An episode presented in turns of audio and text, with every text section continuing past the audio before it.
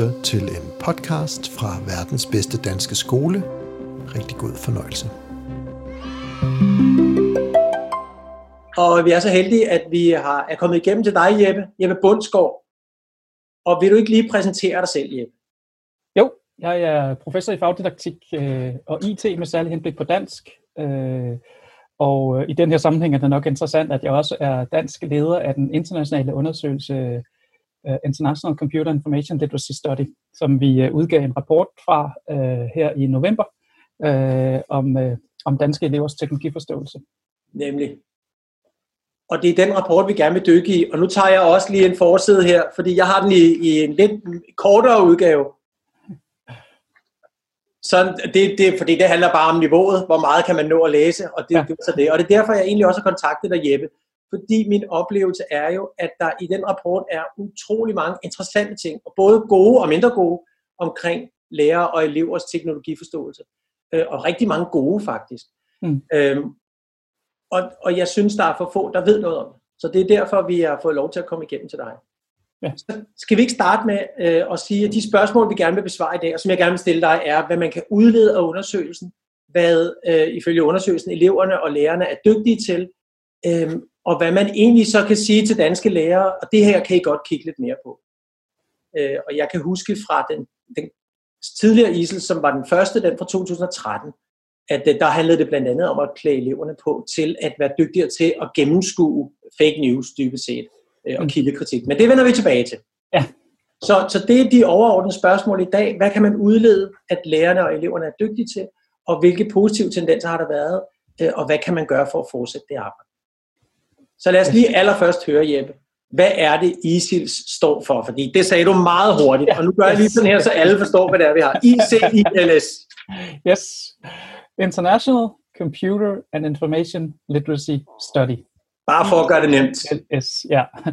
En international undersøgelse af, øhm, af elevers computer- og informationskompetence, og i 18 så også en undersøgelse af deres, øhm, det vi kaldte deres datalogiske tænkning. Ja.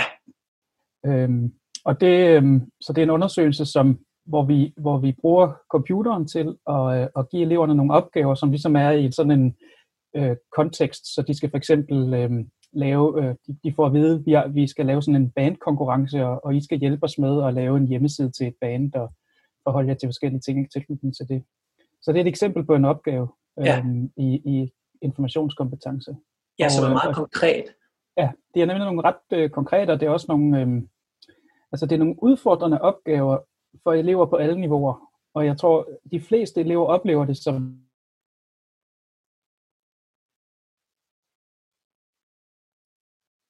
øhm, hvor eleverne har sådan en fornemmelse af, nu begik jeg en fejl, nu begik jeg en fejl, nu gjorde jeg det rigtigt.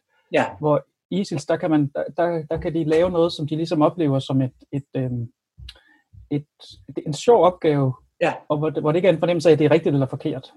Øh, det tror jeg sådan set er en ret central øh, grund til, at det er en god oplevelse for de fleste elever. Ja, så det er åbne opgaver. Jeppe, du ja. faldt ud en lille smule, så jeg skal lige være sikker på, hvor lang tid har de eleverne? Øh, 45 minutter øh, ja. er der til, nej undskyld, 30 minutter er der til hver af de enkelte øh, moduler.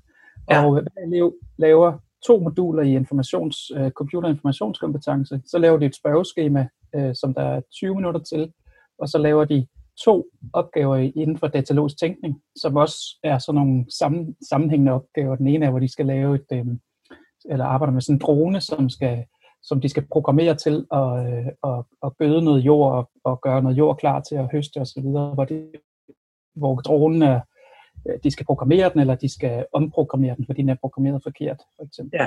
Øh, og der er så øh, 20 minutter til hver af de opgaver. Så at sige, samlet set er det en forholdsvis lang pauser imellem osv.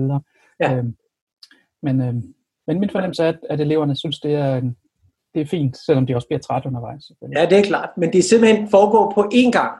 Ja, det er en dag. Det er 8. klasse, vi taler om? Ja, det er det. Okay. Hvor mange elever er med i den her undersøgelse, hvor mange lande er med? Der var øh, 12 lande med i øh, 2018. I 13 var der 17 lande, 18 lande, tror jeg, øh, og vi forventer, at der i 23 vil være faktisk væsentligt flere, måske 30 lande, øh, ja.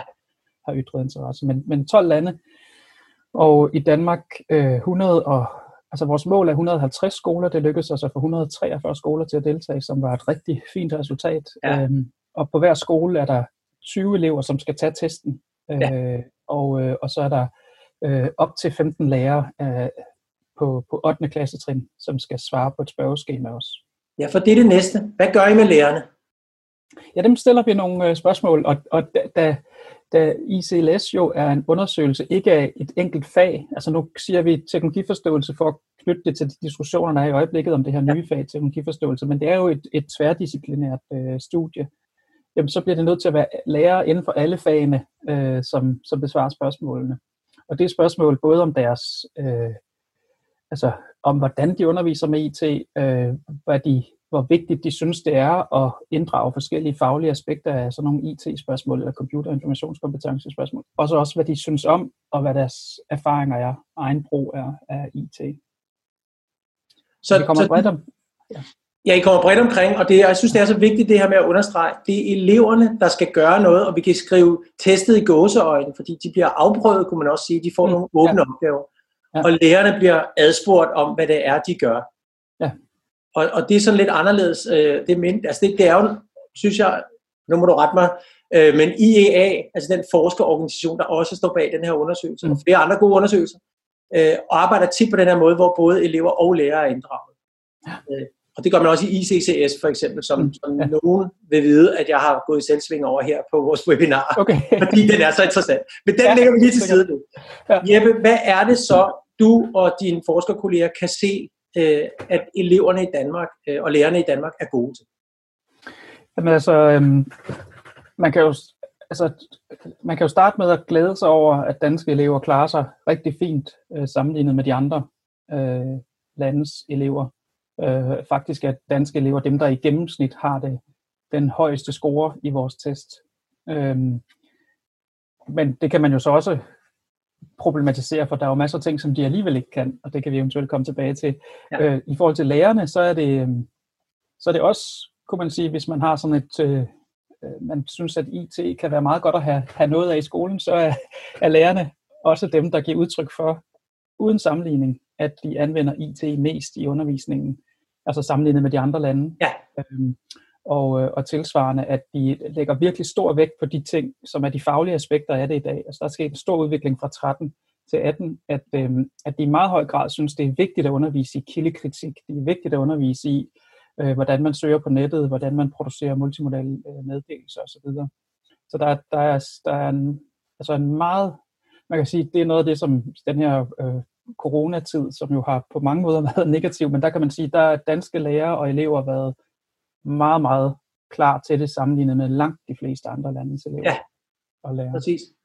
Og man er både klar til at være afsender, men man er faktisk også klar til at skabe nogle rum, hvor eleverne øh, er med. Jeg ved fra det engelske skolesystem, at man, jeg har lige her, før vi talte sammen, talt med en engelsk fyr, der siger, at de får bare en lang liste øh, over, hvad eleverne skal lave af opgaver på nettet øh, og kigge i deres bøger. Hvor i Danmark øh, forsøger vi at være mere medskabende kan man, øh, påstår jeg. Kan man også sige det? Øh, viser jeres rapport også det, ja? Altså, jeg vil, i den her tid, der kan vi jo selvfølgelig mest tale på anekdotisk plan i forhold til, hvad der er sket i coronatiden. Ja. Men min fornemmelse er, at der har været en enorm kreativitet og, og idérigdom øh, blandt øh, danske lærere.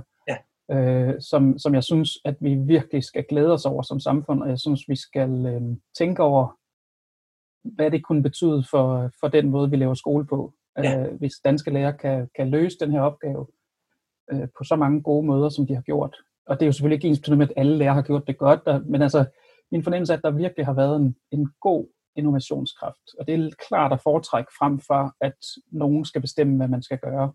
Og det er lidt den retning, vi har været imod, selvom det jo slet ikke har været så slemt, som det for eksempel er i England eller i USA. Ja, USA også. Et, men, så, så men altså, øh, noget af det, som jeg synes har været, og som er, fordi det ikke er rent rosrødt for mig at se, altså der er stadigvæk en meget høj grad, og det er både ISILS-undersøgelsen, som viser det, men også en række andre undersøgelser, jeg har med til, er en høj grad af traditionel undervisning, altså fokus på meget traditionelle øh, øh, træning af, af, af, af grammatik, træning af stavning, i matematik er det træning af, af, af regnestykker osv., Ja, det er det, man bruger IT til, kan du se, også i ISILS? Ja, faktisk øh, måske mindre, end jeg egentlig havde troet, fordi IT jo er meget nærliggende at bruge til det. Så er det faktisk lige så meget noget, der bruges altså i undersøgelser af, af læremidler i dansk, der kunne vi se, okay. at de læremidler, som dansklærerne lærerne brugte, der var det faktisk lige så, næsten i højere grad de analoge læremidler. Okay. Så det er ikke sådan, at, at øh, det digitale er godt til det ene, eller bliver brugt særligt. Altså, min kritik er sådan set, eller man kan sige, den kritik, som jeg, som jeg synes kommer til udtryk, når jeg ser på de tal, vi, vi får i de her undersøgelser, er, at, at vi kunne være meget mere innovative og kreative. Og det er ikke noget, der er sket i 2013, eller at man ligesom er blevet mindre, at det ikke det er muligt, men, men det er i hvert fald noget, man kan se også i tidligere øh, år, øh, at, at, øh, at der er for mig at se alt for meget fokus på træning af, af, af færdigheder, ud fra sådan en forestilling om, at man ligesom bygger ovenpå. Og der er jo problemet jo bare, at når man tror, at man ligesom bygger et hus på den måde, så forvidrer fundamentet jo, altså før man overhovedet kommer op i nærheden af taget. Øh, så man hele tiden, om man så må sige, falder tilbage til ja. træning. Og der, der er øh, IT giver jo muligheder, og det er det, som jeg synes, man har set her, når man hører lærere fortælle, og når man ser eller eksempler på opgaver, at at lærerne har brugt det til at skabe meget mere undersøgende og, og kommunikerende, samarbejdende arbejdsformer, end man, end man kunne frygte. Øh, ja, præcis. At se, ikke? Og, og, og det synes jeg, altså i, i CLS kan man se, at der er mange lærere, som laver, altså som bruger IT til sådan nogle mere øh, undersøgende, øh, kreative tilgange, men der er altså også rigtig meget, altså det der er mest af, det er altså mere traditionel øh, praksis. Øh, okay, og det så, synes jeg, vi skal tage alvorligt. Så man kan sige, at lærerne mestrer det, eleverne mestrer det, men der er måske lidt for, stor, for lidt drone omprogrammering og for meget grammatik. Yes, det ja. er meget præcist. Så hvis man skulle bede lærerne om at gøre mere, øh, hvis man må være så flabet, og det ved jeg, det er altid følsomt, men så var det faktisk, hvis der skulle være et ønske, så kunne det være at, at uh, lave flere af de åbne opgaver, hvor man for eksempel skal gøre det med ja. på en ja. eller anden måde at omprogrammere en drone, eller hvad der nu er andre opgaver. Ja. Ja. Øhm, sådan så det var lidt mere åbent, hvad der foregår. Ja, altså fordi det, altså det der jo er med grammatik og stavning og regnestykker, det er, at, øhm, at det er let tilgængeligt, og det er til at forstå, og, og det, man kan gøre rigtigt og forkert osv. Men man, man glemmer det altså meget hurtigt igen, hvis ikke man bruger det til noget. Ja. Så det er meget smartere at skrive, og så lave korrekturlæsning, end det er at lave stavetræning. Ja. Det er meget smartere at lave matematik, end det er at lave regning, og så bruge regnestykker inde i matematikken. Ja. Øh, det, er sådan, det er sådan, fagene er beskrevet i, i fælles mål, og sådan som, som didakti, didaktikere vil, vil anbefale det. Men det er altså ikke i tilstrækkelig grad det, der foregår sådan over en bred kamp. Der er mange, der vil, du vil sige, jo, det gør jeg i hvert fald. Og det, det så, er jeg helt, så siger jeg yes altid. Men, men øh, det er så ikke alle kolleger, som gør det sådan. Okay. Så det er den anvendte viden, du er optaget af her? Ja. Og det gælder også, altså det er uagtet om man har dansk, eller om man, man laver noget tværfagligt, eller hvordan man ja. nu arbejder. Ja. Ja. Må jeg ikke lige høre, lad os lige kort tilbage til noget af ja. yes. Fordi noget af det, jeg lagde mærke til, vi, vi arbejder jo med blandt andet på skoler, hvor vi arbejder med det, vi kalder børnesamtaler, kan vi bedst lide at kalde det, men der er mange steder, der gerne vil kalde det læringssamtaler. Dybest set handler det om at tale med eleverne på nye måder, hvor man ikke er så fokuseret på faget, men mere på deres personlige oplevelse af ting. Øh, og her øh, arbejder vi med elevernes egne fortællinger eller overbevisninger. Og det er jo også en del af arbejdet i ISIL, så vidt jeg har forstået det, jeg har læst. Altså, hvordan tror drenge og hvordan tror piger, de er til at bruge IT. Og der er pigerne faktisk ret godt kørende øh, til min personlige overraskelse. Ja, nej, altså der er jo det meget mærkeligt, at, øh, at, at piger og drenge er nogenlunde lige gode, øh, når det kommer til vores, jeg kan lige finde nogle eksempler her på, øh, hvor man kan se det. Her der er, øh, måske skal jeg først starte med den her. Her der er øh, computer- og informationskompetence. Altså det der med banekonkurrencen og sådan noget. Der kan man se, at øh, øh, drengene er de øh, grå, og pigerne er de øh, grønne. Og altså, det vil sige, at pigerne er en lille smule bedre end drengene i gennemsnit, men, øh, men langt de fleste, altså der, hvor de ligesom overlapper hinanden, så er det jo piger og drenge, der er på samme niveau. Øh, når man ser på, på vores datalogisk tænkningmåling, så viser der sig også et interessant øh, billede, nemlig en, øh, også igen en fuldstændig overlap, men en lille smule bredere. Drengenes kurve er lidt bredere, det vil sige, at der er lidt flere ikke så gode drenge, og lidt flere gode drenge end, øh, end piger. Pigerne samler sig mere i midten. Øh, så, så det er ikke sådan, at, at piger er dårlige til IT. Men hvis man spørger dem, kan I finde ud af det der med IT? Ja. Så vil pigerne, når man spørger dem om spørgsmål i forhold til øh, sådan nogle, altså hverdagsbrug af det, altså kan du bruge et tekstmandsprogram, kan du øh, arbejde med øh, billeder, kan du øh, øh, sådan nogle ting, så, så øh, kan du søge på nettet og sådan noget. Så, så er de, ja, det kan vi godt finde ud af.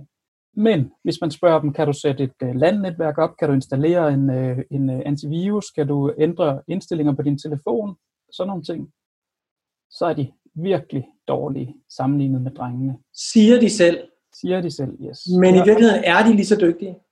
Jamen, det, kan, det er jo, altså man kan sige, at den der datalogisk tænkning er jo, altså, er jo måler jo sådan nogle lidt tekniske ting, ikke? Altså, ja. om man kan programmere en drone for eksempel. Så noget tyder på, at de ikke er dårlige til det, øh, men de synes, de er dårlige. Og ja. det, det, der er mest skræmmende, det er, at de er dem, der synes, de er dårlige. Altså alle, i alle lande er der den her forskel.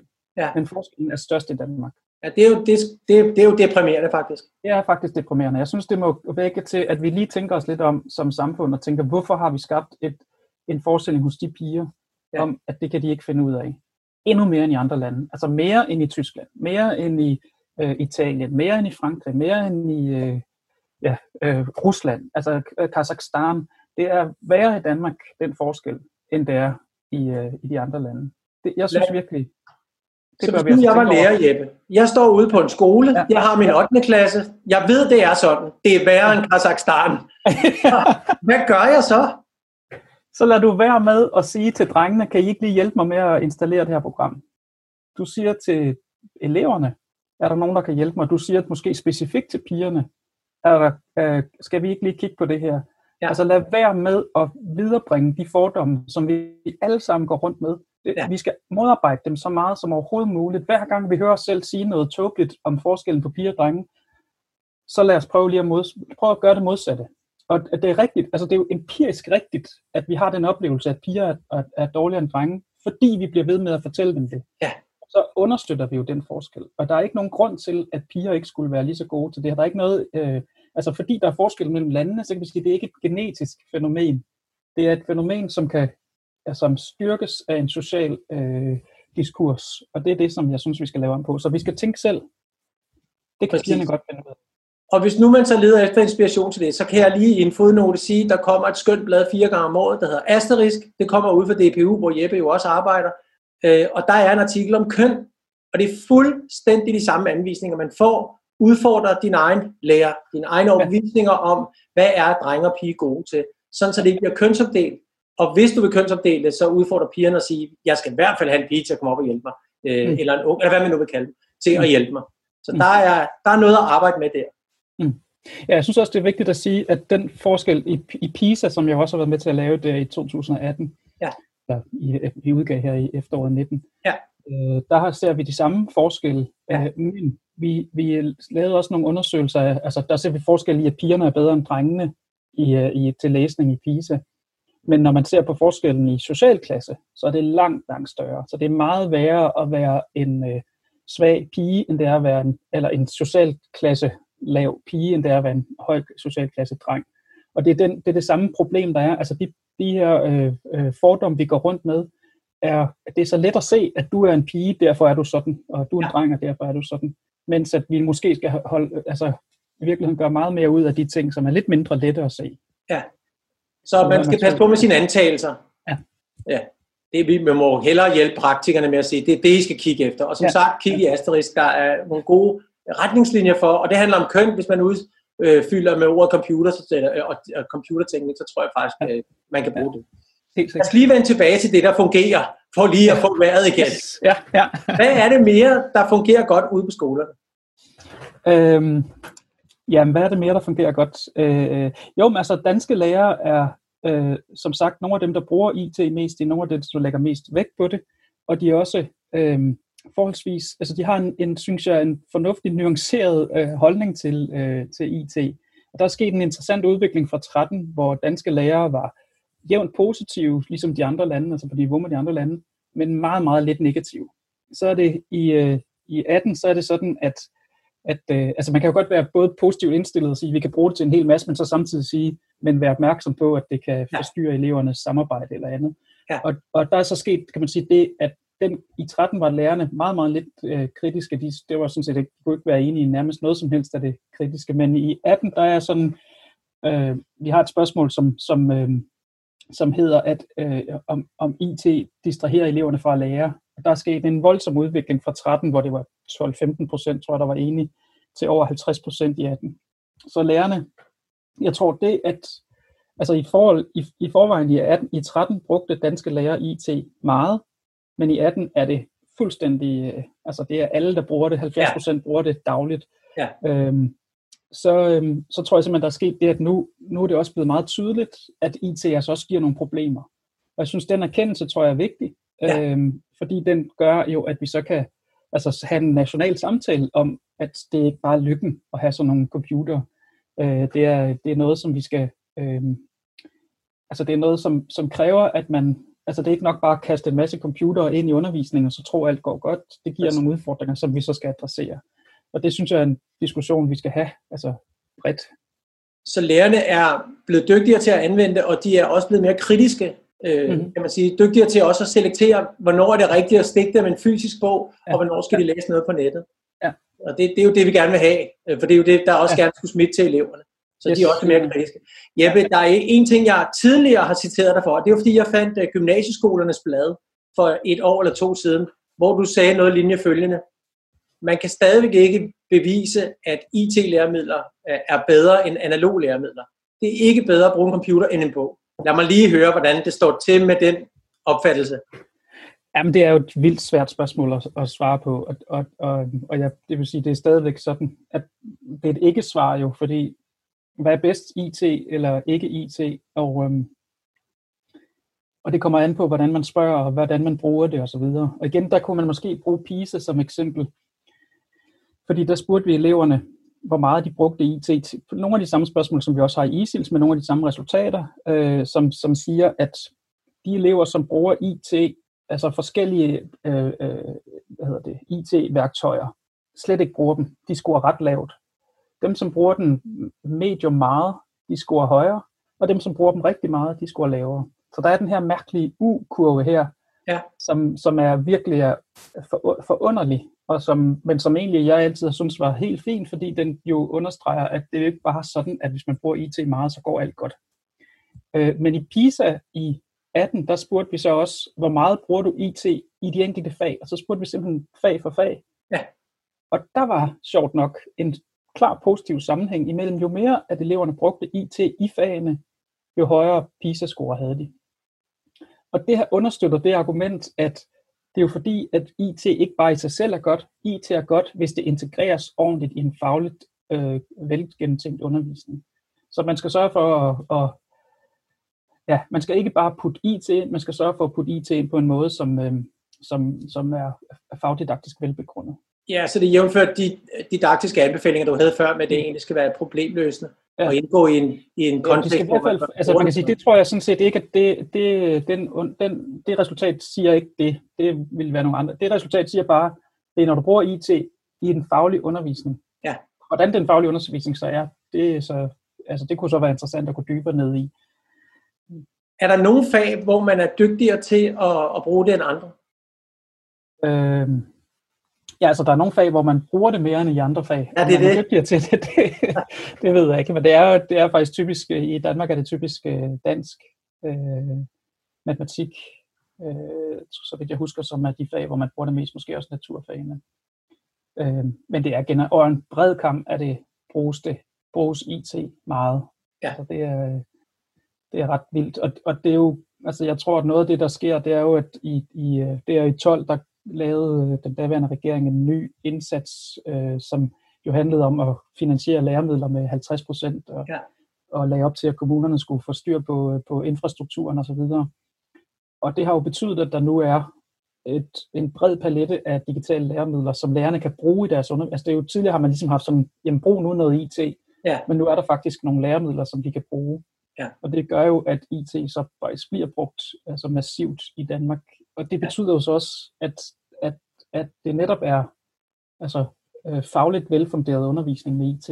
Øh, så det er derfor, vi kan se den sammenhæng. Så i, det er i Danmark, og det er faktisk slet ikke i andre lande, når man kan se den sammenhæng mellem mere brug i, øh, i fagene, og så højere PISA-score. Så det er nok et specifikt Altså det er der, hvor, altså på mange måder er Danmark nok et af de lande i verden, som er længst fremme med IT-integration øh, i undervisningen. Øhm, og det kunne så være en, et bud på til de andre lande, hvad skal I gøre for at få bedre PISA-scores? Ja, det er at, at fokusere på fagdidaktik, eller fokusere på, at lærerne har ordentlige redskaber, ja. også når de anvender IT. Så, så når vi skal give en anbefaling til lærerne, så er det husk at afbalancere brugen af IT og gøre den fagrettet, så, så det er mm. meget specifikt, hvad, hvad eleverne skal bruge det til. Mm. Men du vil faktisk ikke anbefale sådan for eksempel grammatiktræning øh, nødvendigvis. Altså Nej, det, isoleret det, det jeg ikke. Og det er sådan set ligegyldigt, hvor man, om det er analogt eller det er digitalt. Altså det er jo tankevækkende, at vi træner grammatik helt ned i indskolingen og i mellemtrinnet, og på i udskolingen, og på gymnasiet, og på laveruddannelsen. Og når de så kommer til mig, så træner jeg dem ved Gud en gang til og, og de kan det stadigvæk ikke. Eller, det, det er jo måske ikke de mine studerende trods alt, men, men, men det er jo alligevel sådan, at det er svært. Og selv, hvis jeg kan sige det helt ærligt selv, så synes jeg også selv, at grammatik er svært. Jeg glemmer det fra gang til gang. Ja. Øh, selvom jeg laver projekter, hvor, jeg, hvor grammatik virkelig er i kernen af, af projekterne. Ja. Grammatik er et vanvittigt svært område. Og det, er, og det er ikke, altså selvom, så kan man sige, hvorfor gør vi det? Så er der nogen, der siger, at det er fordi, man kan sætte kommaer. Okay, lad os lære de to tommelfingerregler, der skal til for, at du kan sætte kommaer, og, og, og så lad være med at bruge tid på alt det andet. Og lad være med at... Um, altså det er ikke sådan, at man bliver bedre til at stave af det, fordi det igen, det er tommelfingerregler, man bruger. Ja. Øhm, og tilsvarende med stavning, man bliver ikke bedre til at stave af at tærpe ord, som man ikke kan, eller ord, som man godt kan i forvejen. Altså hvis du får 100% rigtigt i stavetræningsøvelsen, så har du spildt al din tid. Hvis du får 90% rigtigt, har du spildt øh, 90% af din tid. Øhm, fordi så er man jo ikke, så man jo, kun man det jo godt, som spilletid. så lad os nu få skrevet noget i stedet for. Lad os få produceret nogle multimodale meddelelser. Lad os få givet respons. Lad os få læst korrektur. Det er jo det. Altså os, som skriver, vi sidder jo ikke og laver stavetræning. Vi skriver massivt, og så læser vi korrektur på vores egne tekster og på andres tekster. Og derigennem bliver vi gode til at stave. Og det er sådan set det, der gælder for, altså det er det, der er argumentet for at lade være med at lave sådan noget træning.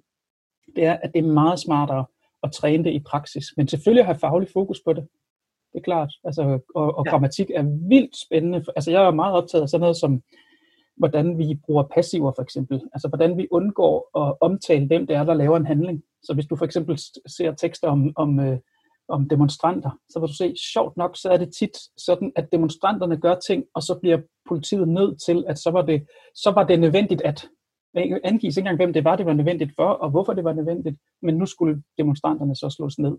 Ja. Øh, den slags er vildt interessant, og det her grammatiske træk ved teksterne, som man så kan, altså men lad os finde måder, hvorpå det er, en, altså hvor det faktisk gør en forskel.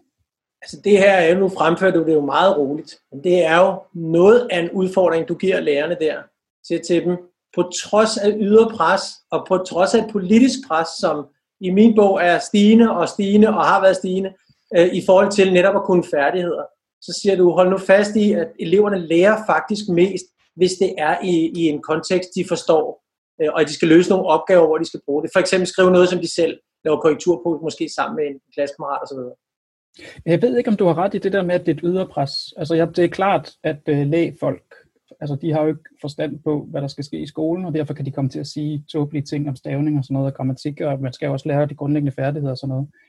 Men, men og så er der to, to dele af afgangsprøven i dansk fag, som er øh, øh, sådan læsning i sådan en meget, og så, og så eller der er grammatik, og så er der stavetræning. Ikke? Ja. Men der er også også en mundtlig prøve, og der er også en skriftlig prøve, og ikke mindst så er der jo også en, en projektopgave.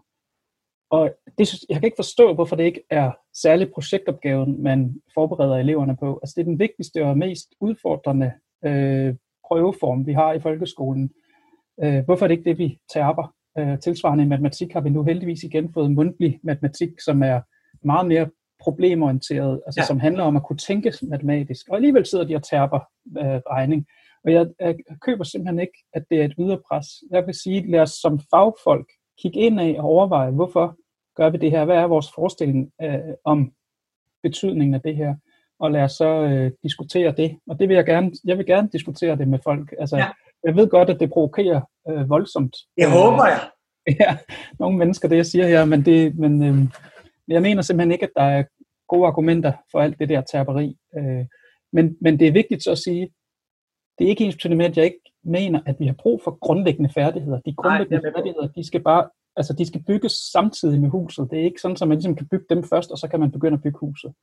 Altså, der, og, og det er også en grundlæggende færdighed at kunne give ordentlig respons. Det er også en grundlæggende færdighed at kunne bygge en tekst op, sådan så den er ordentligt, øh, øh, hvad hedder det, har en, en form, som passer til situationen, sådan så man faktisk har de informationer, som modtageren skal bruge osv. Der er masser af ting, som er meget, meget svære at lære, men som læres bedst gennem praktisk brug. Så det synes jeg, vi skulle tage at gøre i stedet for. Altså, og det er, jo, det er også det, der fremgår af fælles mål. Altså kig på fælles mål og se, det er nogle enormt avancerede ting, man skal kunne. Og der står ikke ret meget om grammatik i dansk, og der står ikke meget om regning i matematik. Men Jeppe, inden vi kommer ud i en diskussion omkring det ydre pres, for der yes. tror jeg ikke, vi bliver enige. I hvert fald ikke Nej. i forhold til, hvordan en uh, lærer opfatter det pres, der er fra politikere og fra forældre. Så tror jeg, vi skal holde fast i ISILs Yes. Selvom jeg har lyst til at gå ned ad den her vej, for jeg, ja. jeg havde jo lyst til at nævne Steiner skoler, som har arbejdet på den her måde i 100 år, ikke? og, og andre former for skoler, hvor man netop arbejder meget projektbaseret. Det skal vi slet ikke gøre nu. Nu mm. kigger jeg i stedet for lige over på mine spørgsmål. Ja. Så, hvis vi nu opsummerer, hvad går godt, og hvad kan man blive dygtigere til? Lad os lige holde fast i. Så hvad kunne man, kunne man opsummere her til sidst sige, du synes går godt, når vi kigger på ISILs 2018? Jamen altså, hvis vi går tilbage til elevernes færdigheder, så er de jo ja. altså som sagt øh, de bedste i øh, både, både øh, computerinformationskompetence og i den nye datalogiske tænkning, og det er jo mærkeligt, fordi vi ikke har undervist i det, men det har de så heller ikke i de andre lande. Og på den måde er det nogle ret, altså forholdsvis basale ting, som de kan, men øh, de danske elever, men, men de kan det, kan man sige, jo nok på grund af en almen dygtighed, fordi de har stor erfaring med at bruge computer og problemløs på computer osv. Ja.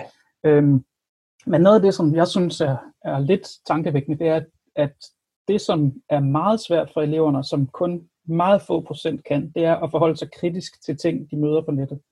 Ja. Øhm, vi har et spørgsmål med sådan en pilleproducent, som, øh, som har en side, hvor de øh, anpriser deres produkter, der er en professor og ting og sager, og så bliver eleverne spurgt, øh, er det her en troværdig side? Men der er rigtig mange, som falder i, jamen der er en professor, der siger det så derfor er det troværdigt. Og der må man sige, nej, det er altså ikke helt nok, at en virksomhed har sat en professor på. Øh, der er nok andre ting, som du også skal forholde dig til. Og det er altså, altså i bedste fald 30 procent af eleverne, som, som ikke falder i den type opgaver. Ja. Og måske kan man sige, at det er måske kun er 3 procent, som rigtig kan forholde sig kritisk. Ja. Altså dem, der er på det, vi hedder, kalder niveau 4. Så, så det er også et sted at sætte ind for lærerne. Ja. De er stadigvæk. Jeg troede faktisk, det havde ændret sig fra 13, hvor sidste undersøgelse var, så til 18, hvor resultaterne kom her i november 19, siger jeg lige til, ja, ja, det, til ja. Øhm, ja. Og, og, og alligevel så er det ikke, det, det, det er stadigvæk noget, man skal kigge på. Det, der er sket en ret stor udvikling i Danmark, altså at, at der, og der er kommet væsentligt flere ind fra, fra gruppe 2 til gruppe 3, som ligesom er der, hvor de begynder at kunne forholde sig kritisk. Så der nu er omkring 30 procent, som ligger i gruppe 3. Ja. Øh, hvor det var, Den gruppe skal være til at vokse. Ja, den skal vi have til at vokse. Og måske rykke ind i det, vi kalder gruppe 4. Ja, altså men først og fremmest synes jeg, at vi skal tage virkelig alvorligt, at i et, et IT-samfund som det, vi har, der er altså enorme muligheder for øh, folk med øh, usle bagtanker ja. til at påvirke. Ja. Øh, og, og det skal vi, bliver vi simpelthen nødt til at forberede eleverne på. Altså det, ja. det er så vigtigt. Og det er en af de positive resultater, at det er lærerne faktisk enige med mig i. Altså ja. de, de, der er rigtig mange lærere, nu kan jeg ikke huske procenttallet, men som siger, det er noget af det, vi lægger vægt på. Og det ja. siger bare, yes, det skal vi have mere af, sådan så ja. vi kan se det endnu mere i den næste ISILS. Præcis. Det bliver en færdighed i dag, som man skal have, fordi ja. der netop er så avancerede muligheder. Ja. Jeg kan huske, når man nævner det med professoren, jeg kan huske sådan, bare for 20 år siden, tyske reklamer for vaskepulver, og så står der en, en mand altid i en kittel, ja. og en kvinde, der vasker tøjet. Ja. Og så står han der og siger, det er det rigtige. Sådan ja. gjorde man dengang. Ja. Det, det er ja, faktisk det... det, du skitserer omkring den opgave, I giver børnene. Nu er det bare en professor, der, der står og siger, det er sørme godt, og så ja. tror man så, det er godt. Ja. Og nu, altså man kan sige, at dengang så var det tyske vaskemiddelproducenter i, uh, i national fjernsyn. Nu er det jo altså så subtilt, så mange ja. forskellige steder. Det er influencers, ja. som lige kommer til, altså det er, de, der er så mange måder, hvorpå man gør det her. Ja. Uh, og det, det er bare vigtigt at sige, det er, og det er danskfaget, det er historiefaget, det er samfundsfaget, men det er jo også naturfagene, som skal, og det står også et fælles mål for naturfagene, altså man skal kunne tage stilling til ja. i de her coronatider, altså man skal virkelig kunne tage stilling til, hvad er det for noget kommunikation, jeg får. Man skal i matematik beskæftige sig med, hvordan man kan gøre ting med statistik. Altså det ved jeg virkelig, efter at have lavet mange af den her type rapporter, øj, hvor har man meget magt. Ja. Altså, øh, det, det er så vigtigt, at man selv tager det ansvar alvorligt, men også at andre folk bliver i stand til at kritisere de valg, man har taget. Ja. Øhm, og, og der vil jeg bare sige, det, det bliver altså nødt til at være meget, meget mere øh, fremherskende i skolens undervisning. Og i samtlige fag. I samtlige fag, ja. Ingen fag kan unddrage sig. Nej. Jeppe, jeg vil sige tusind tak for... Øh, ej, jeg har sådan lyst til at kaste mig ud i nogle andre spørgsmål, men det gør jeg ikke nu. Vi mødes bare igen. Nu siger jeg tusind tak for det her. Jeg skal lige gøre noget her. Jeg skal lige samle nogle af mine papskilte op til afslutningen af det her. Det var altså masterclass. Det er meget moderne det her. Med Jeppe Bundsgaard, som står bag undersøgelsen ISILS, som jeg har nævnt før, øh, og som handler om IT-kompetencer hos 8. klasses elever. Jeppe, hvis nu man så skulle gøre én ting som skolelærer i forhold til at læse noget, hvad vil du så anbefale? Jamen, øhm, så kunne man jo øh, læse den her lille bog, jeg skrev øh, for et par år siden, som hedder Digital Dannelse, øh, som også omtaler nogle af de samme ting, som vi har talt om her. Øh, og den er jo faktisk til rådighed øh, til gratis download for lærere, både på, øh, på fri, efter, fri og privatskoler og på, fra Danmarks Lærerforening. Jeppe, tusind tak for indsatsen.